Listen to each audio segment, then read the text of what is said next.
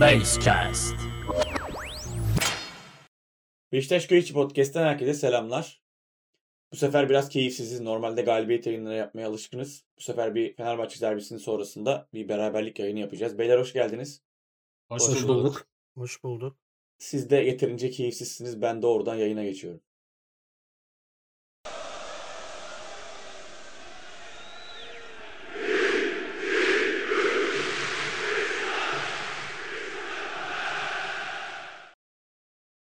Uzun süre sonra dediğim gibi bir puan kaybı yayını yapacağız. Ee, doğrudan maça geçeyim ben buradan. Fener'in etkili başladığını söyleyebiliriz aslında. Ve bunun nedenleriyle ilgili konuşmak ister misin Ömer? Tabii. eee, aslında bu maçta şey eee, kafasıyla başlamamışız. Yani pek önde bas- baskı beklememişiz Fenerbahçe'den. Benim anladığım bu maçın başlangıcında. Eee, Fenerbahçe'nin klasik oyunu rakibe topu bırakıp kapanma ve bulduğu kontra ataklarda topu ileri götürme olarak gözüküyor. Eee, biz böyle beklemişiz Fenerbahçe'yi ama önde bunaltıcı bir baskıyla başladık. Eee, ve hazırlık paslarını iyi yapamadık. Top kayıpları orta sahada fazlasıyla top kayıpları yaşadık.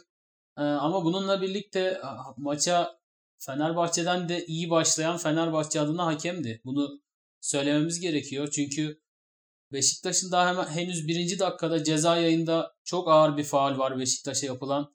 Ee, verilmiyor. Ee, Yani sürekli Fenerbahçe adına faul veriliyor. Gustavo'nun ayağı kayıp düşüyor.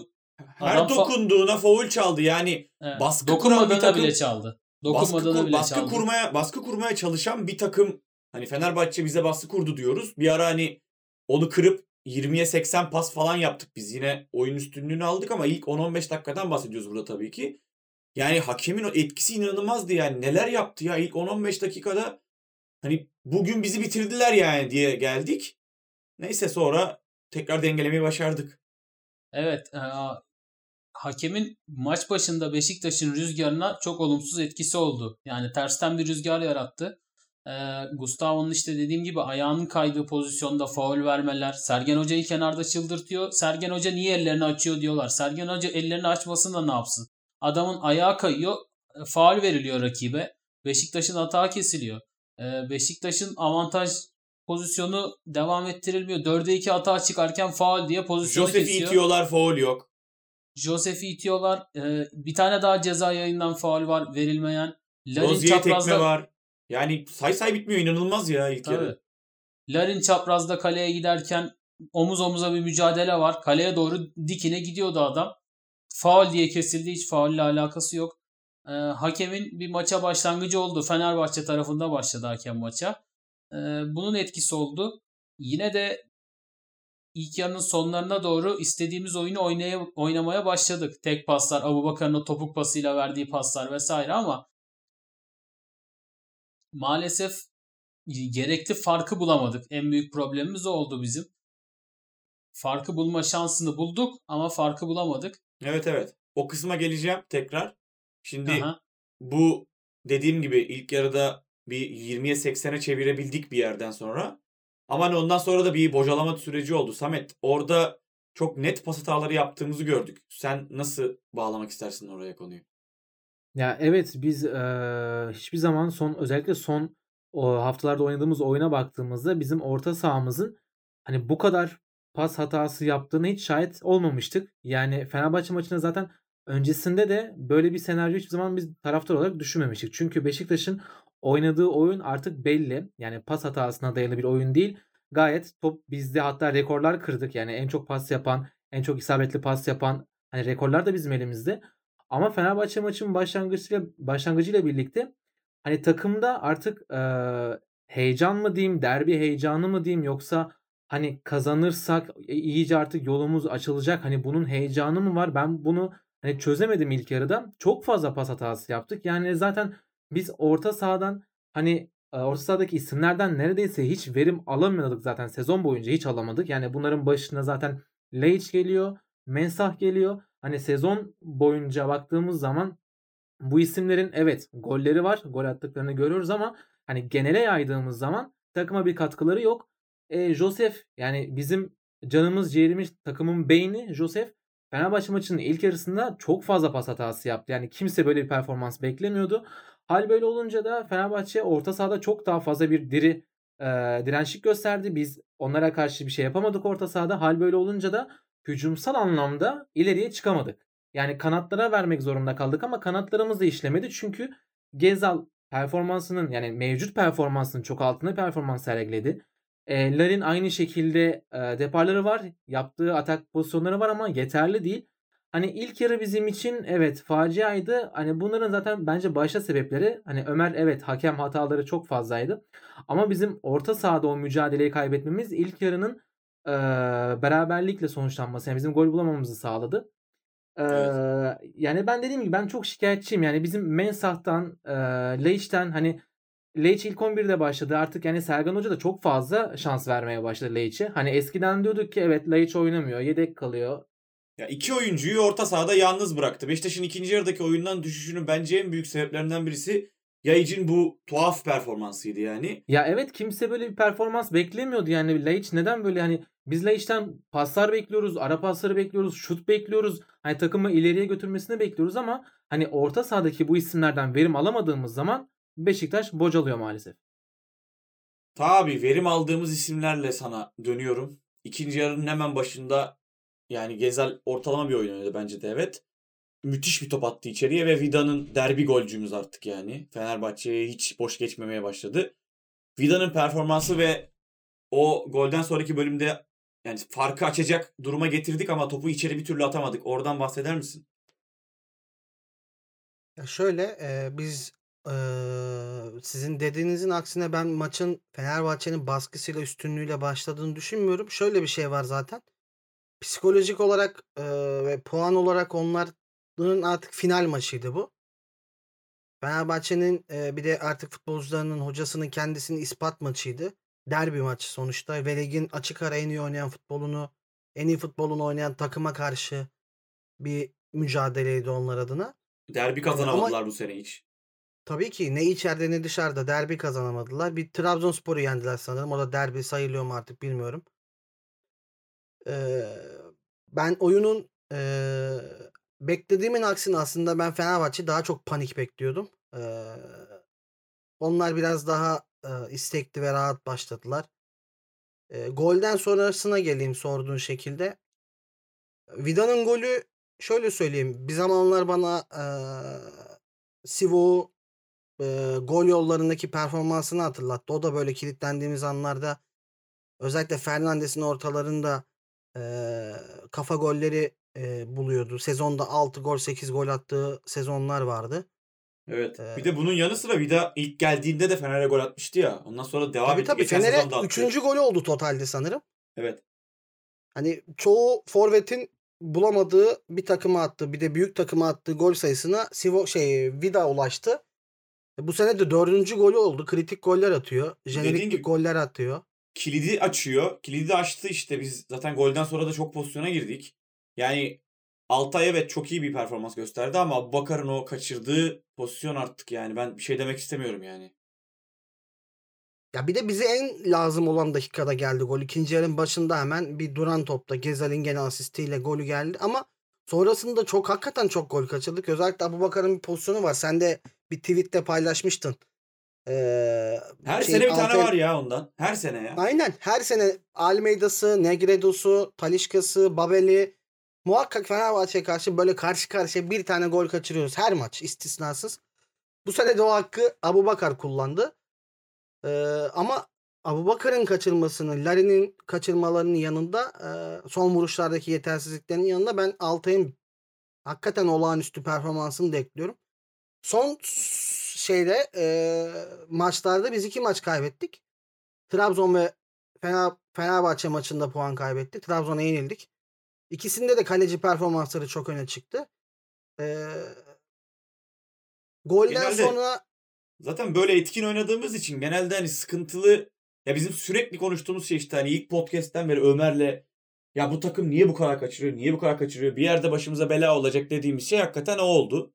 Eklemek istediğim bir kısım yoksa orta sahaya döneceğim ama tabii tabii dönebilirsin ama e, kaçırılan gollerin bir şekilde şeyi çıkıyor bizde. Abubakar'ın bu kadar çok gol kaçırdığı maçın ertesinde sonraki maçlarda bir 5-6 haftalık çok iyi performans, gol vuruşlarıyla devam edebiliyor. Ben o, o tarafa güveniyorum açıkçası. Evet. Bu arada hani Abubakar ya çok sinirliyim Abubakar'a gerçekten.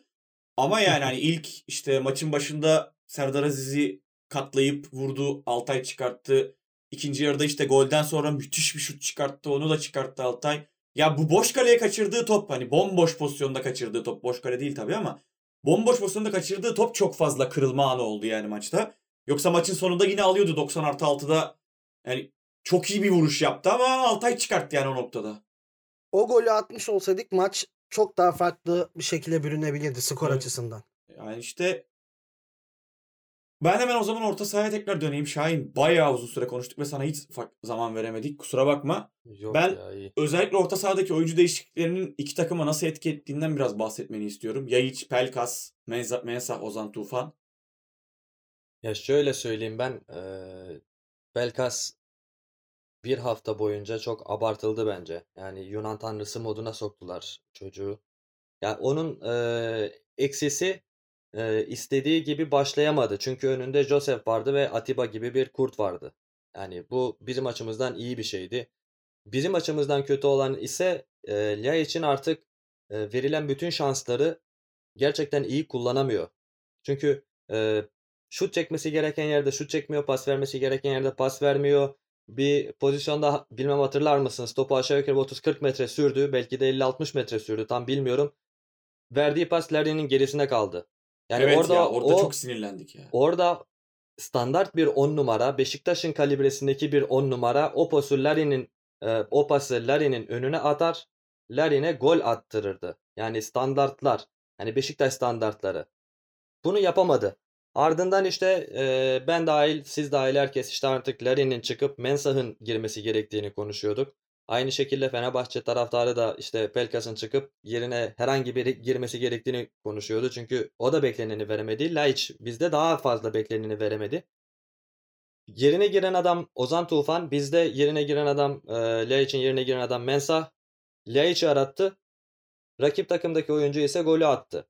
Yani burada e, bence hoca Oğuzhan değişik, değişikliği yapabilirdi diye düşünüyorum. Çünkü e, Oğuzhan bir şekilde oyunda topu ayağında tutan bir oyuncu. Yani her halükarda top biz daha fazla bizde kalabilirdi. E, a- defans arkasına atacağı paslarda Larin'i ve e, Abubakar'ı topla daha net bir şekilde buluşturabilirdi. Çünkü e, Oğuzhan topu hızlı kullanabilen bir oyuncu ve bugün bizim eksiğimiz olduğunu düşündüğüm bir e, yönümüzdü maç boyunca. Yani bu bize eksi puan yazdırdı. Hani hoca değişiklikler konusunda zaten hani e, söyleyeceklerinizi söylediniz. Hani bunun üzerine daha bir şey demeye gerek yok. Geç kaldık. Yani 120 dakika oynamış bir takımın üstüne e, sadece 2 tane 3 tane değişiklik ben az önce de dedim aramızda konuşurken. Yani 90. dakikada 88-89. dakikalarda yapılan değişikliklere ben değişiklik demiyorum. Çünkü artık hani Biz bir değişiklik yaptık. aynen bir değişiklik yaptık. Mensah girdi. Mensah aslında e, girmedi. Ruhu Girmedi. e, eksik zaten. ruhu bilmem nerede kalmış yani. Ben artık Mensah'a da diyecek söz bulamıyorum. İnşallah hani böyle zorunlu bir opsiyon yoktur. İnşallah almayız. Yani Yok yok E, zorunlu opsiyon yok. ya e, ona verilecek para gerçekten çöp. Çünkü Evet, hani evet. Beşiktaş forması ona ağır geldi. Yani bu formayı kaldıramadı. Ya bence özellikle Mensah'tan evet değişikliklerin gecikmesiyle ilgili Ömer'in de birkaç bir şey ekleyeceğini biliyorum. Bence bu arada hani sürekli belki aynı fikirde değilizdir şu an ama timeline'de sürekli görmüştüm işte Larin çıksın Enkudu girsin falan. Bence çok büyük baskı yediğimiz için bir de Caner sürekli orta kestiği için Larin'i hoca çıkarmadı ve Larin'in kestiği bir gol var. Birkaç tane de şey var. Bence eksik olan değişiklik yani Yayiç yerine giren Mensah'ın rezalet bir top oynaması ve Atiba o Adem Yayiç'ten ve Mensah'tan boşalan boşlukta çok fazla yoruldu. Bence Atiba'nın daha erken çıkıp Necip'in girmesi gerekiyordu. Bence geciken en net değişiklik o. Ee, Şahin bir şey eklemeyeceksen Ömer'e bırakacağım. Şöyle bir ekleme yapmak istiyorum ben sadece. Tabii. Sezon e, geneline bakarsak en güzel futbol oynayan biziz. Yani bunun e, verdiği bir yük de vardı futbolculara. Medya çok güzel üstümüze geldi. İşte Beşiktaş kazanırsa ligi bitirecek.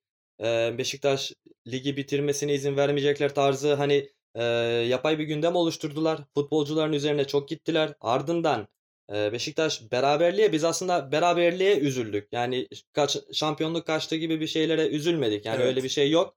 Bunu herkes bilsin. Üstüne üstün eee Souza az önce bir paylaşım yapmıştı. Şimdi bu yayını siz yarın işte ertesi gün dinleyeceksiniz. Panik yok. Futbolcular panik yaptığımızı düşünüyorlar. Yani bunun bir önüne geçmemiz gerekiyor. Ama hakikaten öyle bir havada var. Eee Şahin. Bunu da görmek lazım. Ömer sen ne eklemek istersin değişikliklerle ilgili? Ya değişikliklerin geç olduğu konusuna Şahin de değindi zaten. Ee, geç olması şu açıdan e, anormal karşılanır.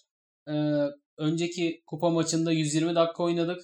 Ee, 120 dakikalık kupa maçının arkasından e, bu maçta 89'a kadar bir değişiklik yapmak yani hoca heyecandan sanırım ya veya maçın içine çok girdiğinden dolayı unuttu diye düşünüyorum. Yani çünkü e, unut yani normal karşılanmıyor tabii ki bu. E, bu bir hatadır ve eleştirilecektir. Çok doğal. E, ama hocanın çok daha önce değişiklik yapması lazım. Çünkü ikinci yarıda Fenerbahçe tamamen taze bir kadroyla oynadı. E, çok daha form verebildiler. Çok daha bindirme yapabildiler. Koşabildiler. Beşiktaş'ın Gezzal, Atiba e, özellikle Larin çok fazla yoruldu. Yani Gezzal'ın artık adım atacak halinin kalmadığı ataklar gördük. E, Beşiktaş Fenerbahçe bastırırken kontraya da çıkamadı çünkü oyuncuları yorgun ve 89'a kadar değişiklik gelmiyor. E, bu büyük hata bence bize maça mal olan en büyük hata bu diye düşünüyorum. Yani hiç değilse Cenk Tosun'un girmesini beklerim. E, Abu Bakar yerine bir Cenk Tosun çok şey katabilir maça mesela. Abu Bakar bu kadar gol kaçırdıktan sonra bu denenebilir. Larin hadi savunmaya yardım ediyor hakikaten bunu diyebiliriz. Ama onun dışında orta sahada Mensah Laiç zaten siz söyleyeceğinizi söylediniz. Beşiktaş orta sahası olmadan bu buraya geldi. Beşiktaş sezonun en çok gol atan takımı orta sahası yok. Yani bunu artık açıkça söyleyeyim. Ofansif oynayan orta sahası yok bu takımın. E, Laiç de yok, Mensah da yok. Laiç se- sezonun yarısından fazlasını kaçırmış bir durumda. Mensah dediğimiz adamın yani Laiç'in yokluğunda Bir sürekli tek sahaya Karagümrük çıktı. maçı var Mensa. Evet. Ee, sadece kaç maç kaçırdı? Ee, Mensah çok az maç kaçırdı ama ortada yok. Ee, böyle olunca tabii ki Beşiktaş'ın e, daha çok gol atması gerekirken daha az gol atıyor. Beşiktaş şu an ligin en çok gol atan takımı eyvallah hatta şampiyonluk senelerimizin de üstüne çıkmışız ama 5 yakaladığımız 5 net pozisyondan sadece birini gole çeviriyoruz. Böyle olmasa demek ki 100 golü 120 golü göreceğiz biz. Yani o, o Evet. seviyede e, olacak. Ama e, atmamız da gerekiyor artık. Çünkü Galatasaray deplasmanına gideceğiz. Belki eşit puanla gideceğiz. Hiç belli olmaz. Ve Galatasaray deplasmanında da bu karşı karşıya artık atamazsanız cezayı keserler. Buna bundan ders almamız şart. E, şampiyonluğu falan kaybetmedik ama ders almazsak başımız çok ağrır gol kaçırma konusunda daha. Evet. Ben de bu ders alma konusunda çok iyi değindin. Ben de şeye ekleyecektim. Bu yani camianın bir tuhaf hani sezon bitmiş tavrı ve takımın bu bu maça da yansıyan işte hücumcuların sürekli bir labalilik peşinde koşmaları. Yani tamam Abubakar'a sürekli kızıyoruz çünkü hani Abubakar'ı sevdiğimiz için kızıyoruz işte o golü kaçırmasına ama maçın sonunda Mensah'ın kaçırdığı falan da yani, yani kabul edilebilir şeyler değildi yani. Kalenin ağzına kadar gelmişsin artık. O ne kadar kötü bir vurmak. Orada hani madem o kadar kötü vuracaksın Rozier'i bırak ya da ne bileyim diğer pozisyonlarda bir şeyler yap. Neyse artık hani Mensah'tan hiç bahsetmiyorum. Ben zaten hani kendisini hiç istememiştim gelmesini. Çok da yanılmamış olduğum ortaya çıkıyor yani. Samet buradan sana bağlıyorum. Maç özelinde yangınımızı yaptık. Artık hani maç özelinde bir yangınlık bir durum yok. Sezon üzerinde beraberliğin yaptığı etki yani. Bugün sonuçta Galatasaray Fenerbahçe ile farkı koruduk. Ve Galatasaray'ın bir puan daha önüne geçmiş olduk. Maç eksiğimizle tekrardan. Buyur Samet. Ya evet ben zaten geçen e, bundan bir önceki bölümde de Fenerbahçe maçını konuştuğumuzda hani e, beraberlik beni çok üzmez demiştim. Yani ki keza evet yani 90. dakikada yediğimiz golle berabere kalmak tabii ki de çok üzdü yani bütün camiayı çok üzdü ama hani genele baktığımız zaman biz aslında çok bir şey kaybetmedik. Biz şampiyonluk yarışından e, kopmadık. Biz hala şu an ligin en ağır favorisiyiz şampiyonlukta.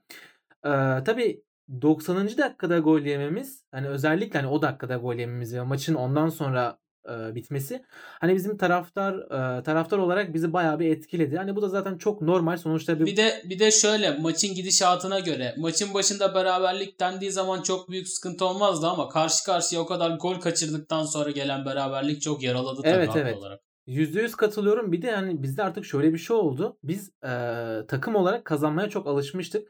Yani biz artık eee, derbilerde berabere kaldığımız zaman özellikle böyle eee, 80 tane pozisyon kaçırdığımız zaman biz taraftar olarak üzülmemiz çok normal. Ama hani ben eee, beraberliğin şampiyonlukta çok eee, etkileyeceğini ben düşünmüyorum. Çünkü hala rakiplerimizin önündeyiz. Hala maç eksiğimiz var ve hala lideriz. Yani bunları bizim unutmamamız lazım. Daha önümüzde hala 11 maçlık bir eee, yol var. Bu çok uzun. Yani 11 hafta gerçekten çok uzun. Artık kupa maçı var. Yani daha bizim önümüzde çok uzun bir yol var. Zaten eee, resmi hesap da maçtan sonra paylaşımını yaptı. Hani yolumuz uzun diye hani savaşmaya devam edeceğiz. Bizim de taraftar olarak yolumuza bakmamız lazım. Çünkü eee, biz bu maça takılı kalırsak eğer yani biz eee, bunun etkisinden çok çabuk eee, çıkamayız ve taraftar olarak o takımdaki o şampiyonluk havasını bozmuş oluruz. Bizim bu havayı bozmamamız lazım. Yani olabildiğince pozitif bakmamız lazım. Çünkü hala rakiplerimizler bizim gerimizde. Ben geleceğe hala umutluyum. Çünkü fikstüre baktığımız zaman zaten şu an bir milli araya girdik ki zaten en çok bizim ihtiyacımız vardı buna. Çünkü oyuncularımızın artık ne kadar yorulduğunu hani Ömer de söyledi artık Gezal'ın hani yürüyecek hali yoktu sahada. Keza Josef de çok artık yoruldu. Çok yük bindi. Bu oyuncular 120 dakika oynadı daha birkaç gün önce. Hani bizim böyle bir araya, araya çok ihtiyacımız vardı. E aradan sonra zaten hala aradan sonraki iki maç İstanbul'dayız. Kasımpaşa ile oynayacağız. Kendi evimizde yine bir maçımız var. Alanya yanlış hatırlamıyorsam kendi evimizdeki de maç. Yani fikstür de şu an bizimle. Yani önümüzdeki 3 maçı biz kazandığımızda ki e, Galatasaray'ın da Hatay deplasmanına 3 defans oyuncusundan yoksun bir şekilde gideceğini de hani buradan hatırlatayım ben. Hani Hatay Evet. deplasmanı zor bir deplasman. Ertesi haftada bay geçecekler.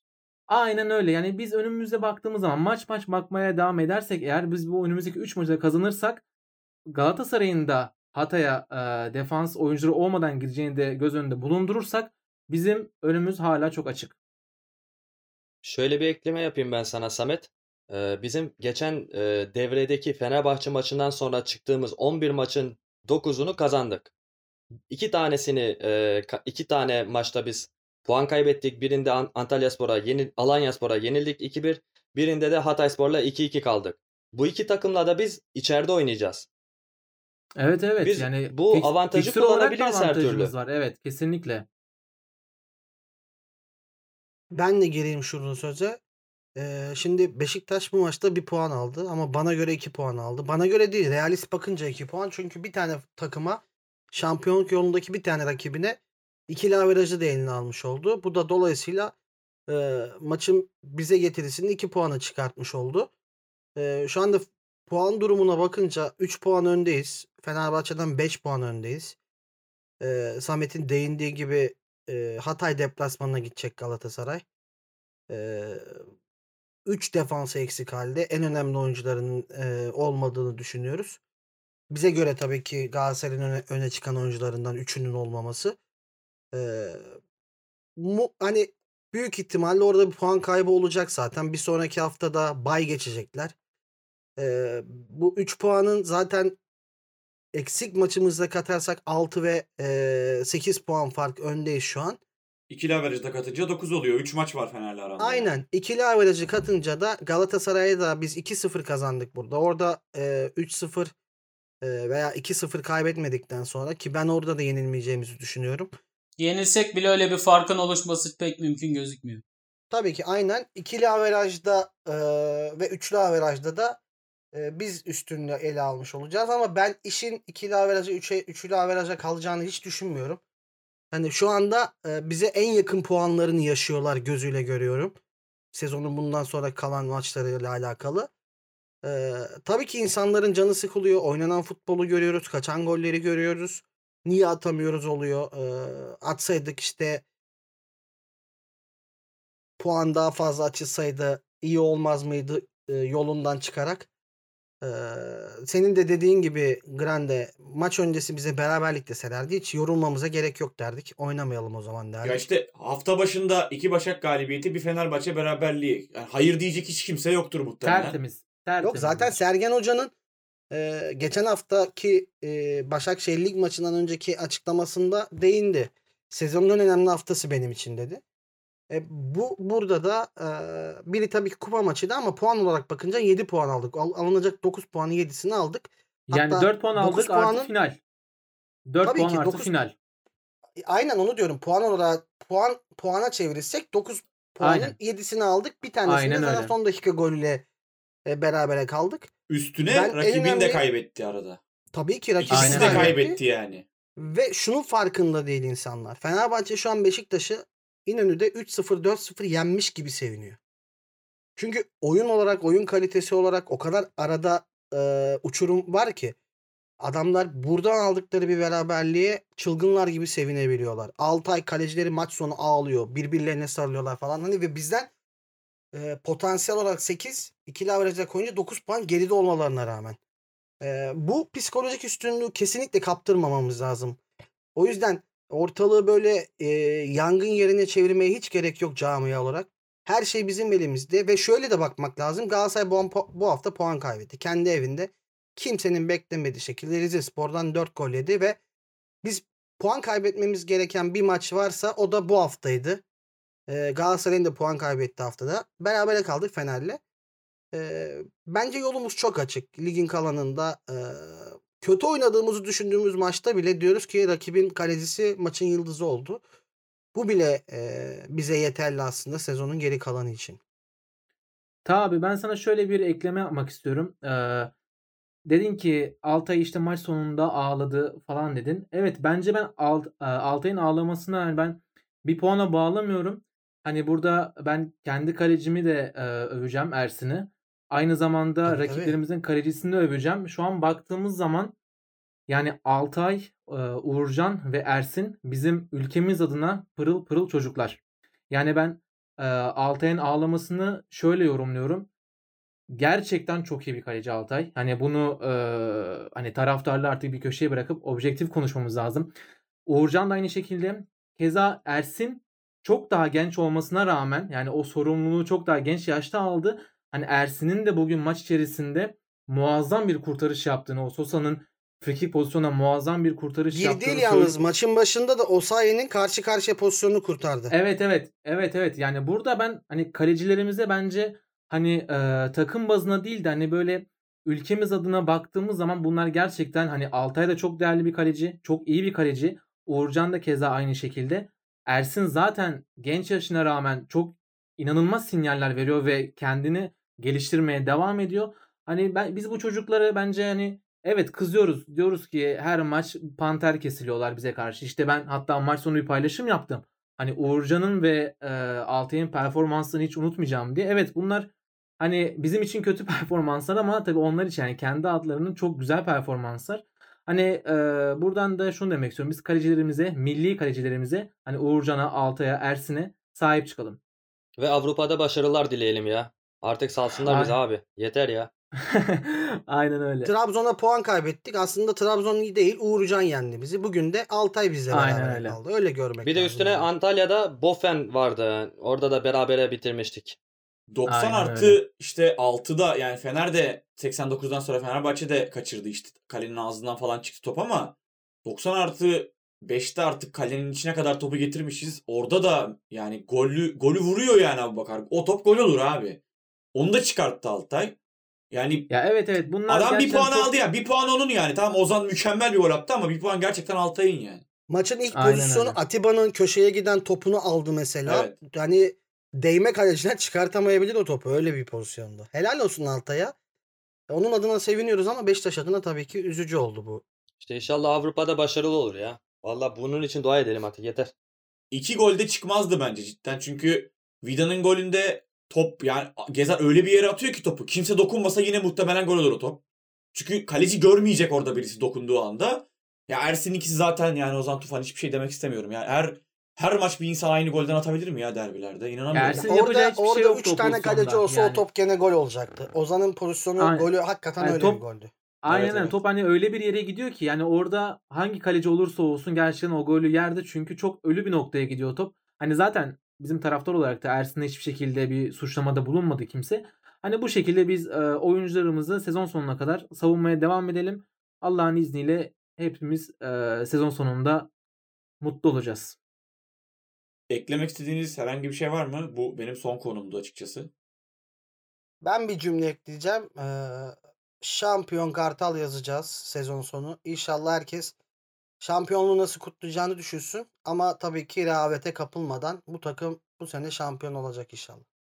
Ben de şunu ekleyeyim. Mario Gomez'in bir sözü vardı. Ee, herhalde bizden 10 puan farkla şampiyon olmamızı bekliyorlar diye. Hani öyle bir durum yok. Yolumuz uzun. Hani rakiplerimiz ensemizde. Hani e, biz 10 puanla fark e, 10 puan farkla şampiyon olmayacağız. Ee, kimse de o beklentide olmasın. Evet takımımız çok iyi oynuyor ama hani öyle bir şey söz konusu değil şu an. Öyle bir şey olması için zaten rakiplerimizin her maç puan kaybetmesi lazım. Biz maç maç bakmaya ve e, sezon sonunda kupayı kaldırmaya bakalım.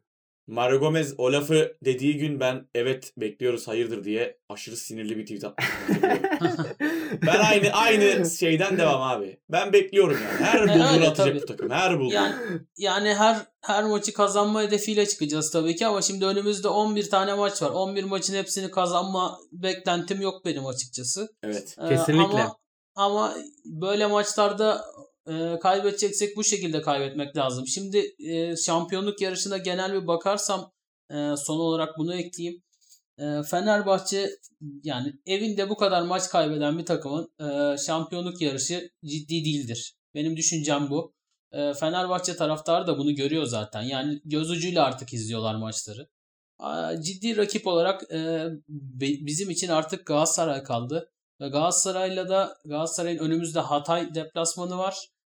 3 eksikle çıkacakları ve ondan sonraki hafta bay geçiyorlar. Önümüzdeki 2 haftayı yani milli aradan sonraki 2 haftayı Beşiktaş 6 puanla kapatırsa artık bazı şeyleri konuşmaya başlarız. Ee, Yani bir yolumuz- anda milli aradan sonra farkın 9 puana falan açılması çok yakın yani Galatasaray'la. O kısmı da bir sonraki yayında konuşuruz. Çünkü arada bayağı bir mesafe var. Bir yayın daha Çok atarız ufak araya bir biz. not not ekleyeceğim. Ee, yanlış hatırlamıyorsam Gezal önümüzdeki maç bizim cezalı. Çünkü sarı kart gördü. Ee, yanlışım varsa düzeltin ama ben cezalı olduğunu Doğru, biliyorum doğru. Gezal'in. Evet, doğru doğru Öyle. ceza. Evet, onu da ufak bir not olarak ekleyelim ama ben çok etkileyeceğini düşünmüyorum çünkü Ya rotasyonumuz Hasic'e var. bir e, fırsat oldu aslında. O kısımları da Bakalım. haftaya konuşuyoruz artık. Aynen, aynen. Daha fazla bu programı uzatmıyorum. Hepinize teşekkürler. Hoşçakalın. Biz teşekkür ederiz. Hoşça kalın. Hoşçakalın. Hoşçakalın. Basecast.